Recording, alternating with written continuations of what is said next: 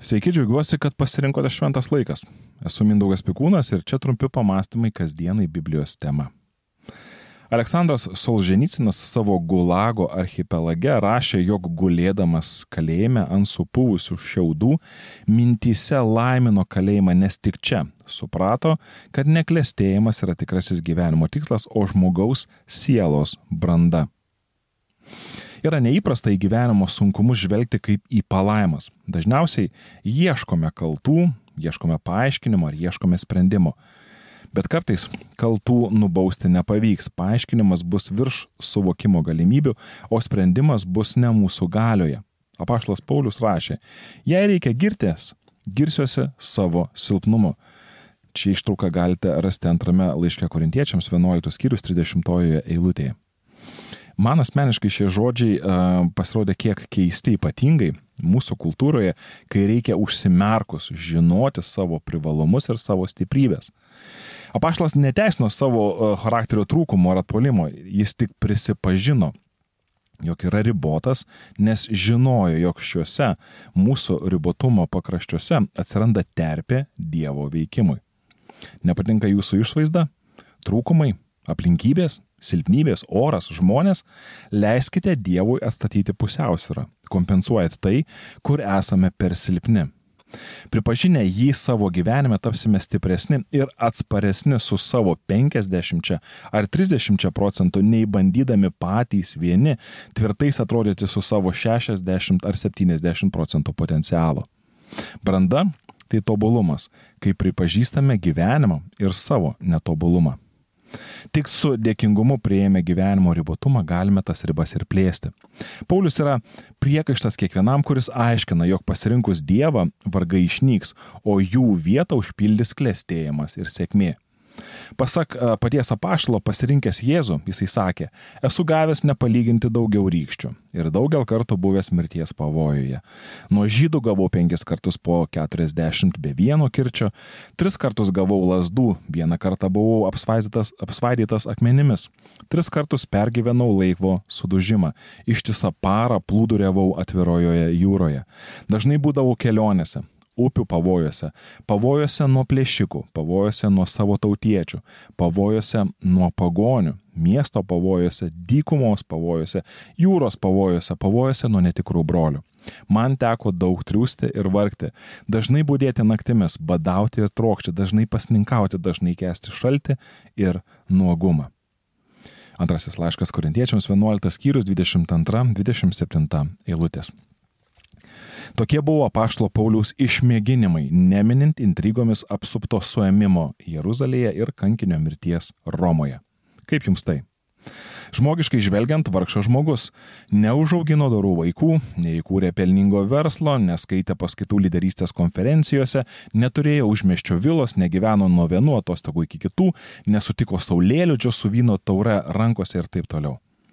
Taip apaštas galėjo neturėti visų tų mažų dalykų, kurie mums atrodo tokie svarbus, tačiau šiandien aš noriu priminti, kad vargšai yra tie, kurie neturi, dėl ko norėtų mirti. Apaštas žinojo, jog gyventi verta tik tada, kai žinai, dėl ko galėtum savo gyvenimą aukoti.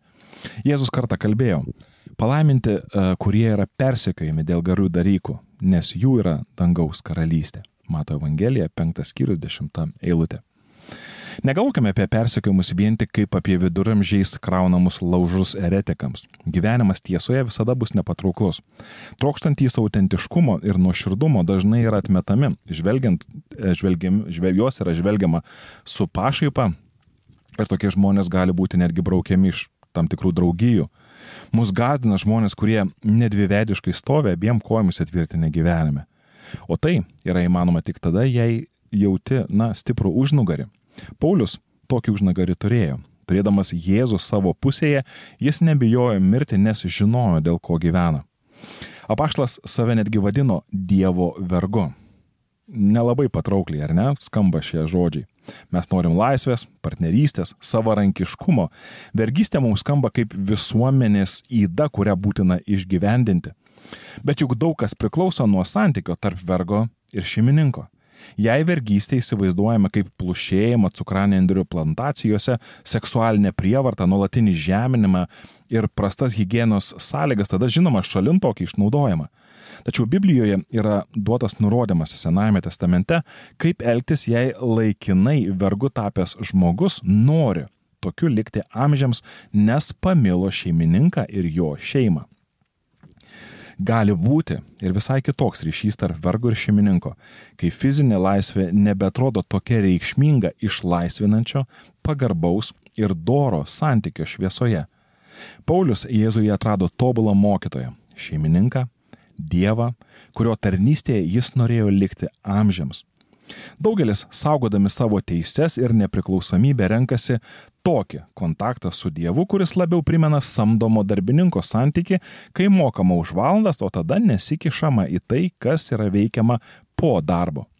Rašydamas e, vergams ir laisviesiems pirmame laiške korintiečiams, 7 skyrių 22 eilutėje e, apaštas Paulius priminė, jog viešpatie pašauktas tikėti vergas yra viešpaties išlaisvintas. Panašiai ir pašauktas tikėti laisvas yra Kristaus vergas. Tikroji laisvė - meilės ir pasiaukojimo dėl kito kelias. Tačiau rinkdamiesi savo gyvenimo pašaukimą susidurime ir su didžiausiu gyvenimo paradoksu. Tariama laisvė gali būti tikroji vergystė ir tariama vergystė yra tikroji laisvė. Jėzus perspėjo, kiekvienas, kas daro nuodėmę, yra nuodėmės vergas. Tačiau jei aš jūs išvaduosiu, jūs iš tiesų būsite laisvi. Šie žodžiai užrašyti Jono Evangelijos 34, atsiprašau, Jono Evangelijos 8 skyriaus 34-36 eilutėje.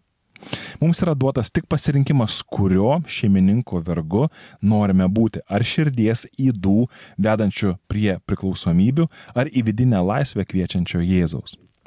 Biblija moko, kad šis pasirinkimas tarp Dievo ir šio pasaulio, tarp Dievo ir Šetono karalystės yra įmanomas Dievo meilės šviesoje. Ir tai labai svarbi takoskira.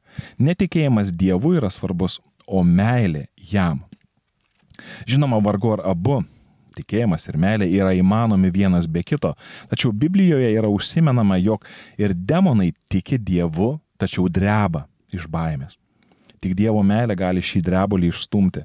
Ir ši meilė yra sunkiai suvokiama ar paaiškinama. Ar kada pagalvojate, kodėl Dievas mus taip myli? Gal todėl, jog esame labai žavus ir mėly? Jei rastume paaiškinimą meilė, jau apibrieštume kažką, bet ne meilę. Jei myliu savo žmoną už tai, kad ji graži, vaikus, kad jie paklusnus, tėvus, kad padeda man su pinigais, kaimynus, nes turiu apie ką su jais pakalbėti, tai ne meilė, o mainai.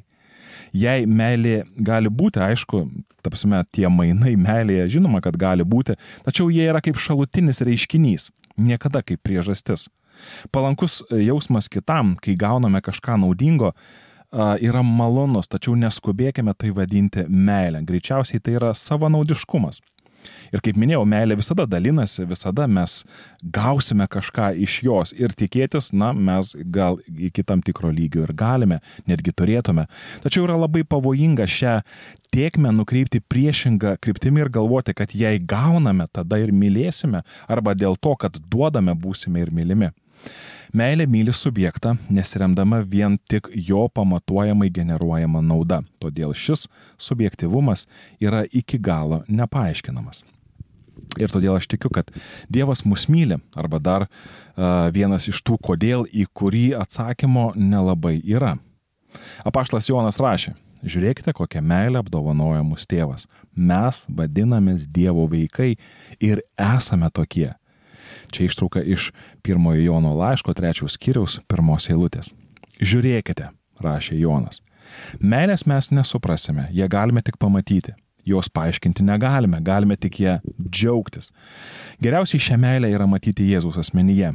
Jame mes matome beribę išminti ir meilę. Pamatęs šią meilę, pasak apaštalo Pauliaus, jis sutiko būti net šio mylinčio Dievo vergu ir nelaikė nuostolių kentėti išbandymus dėl jo.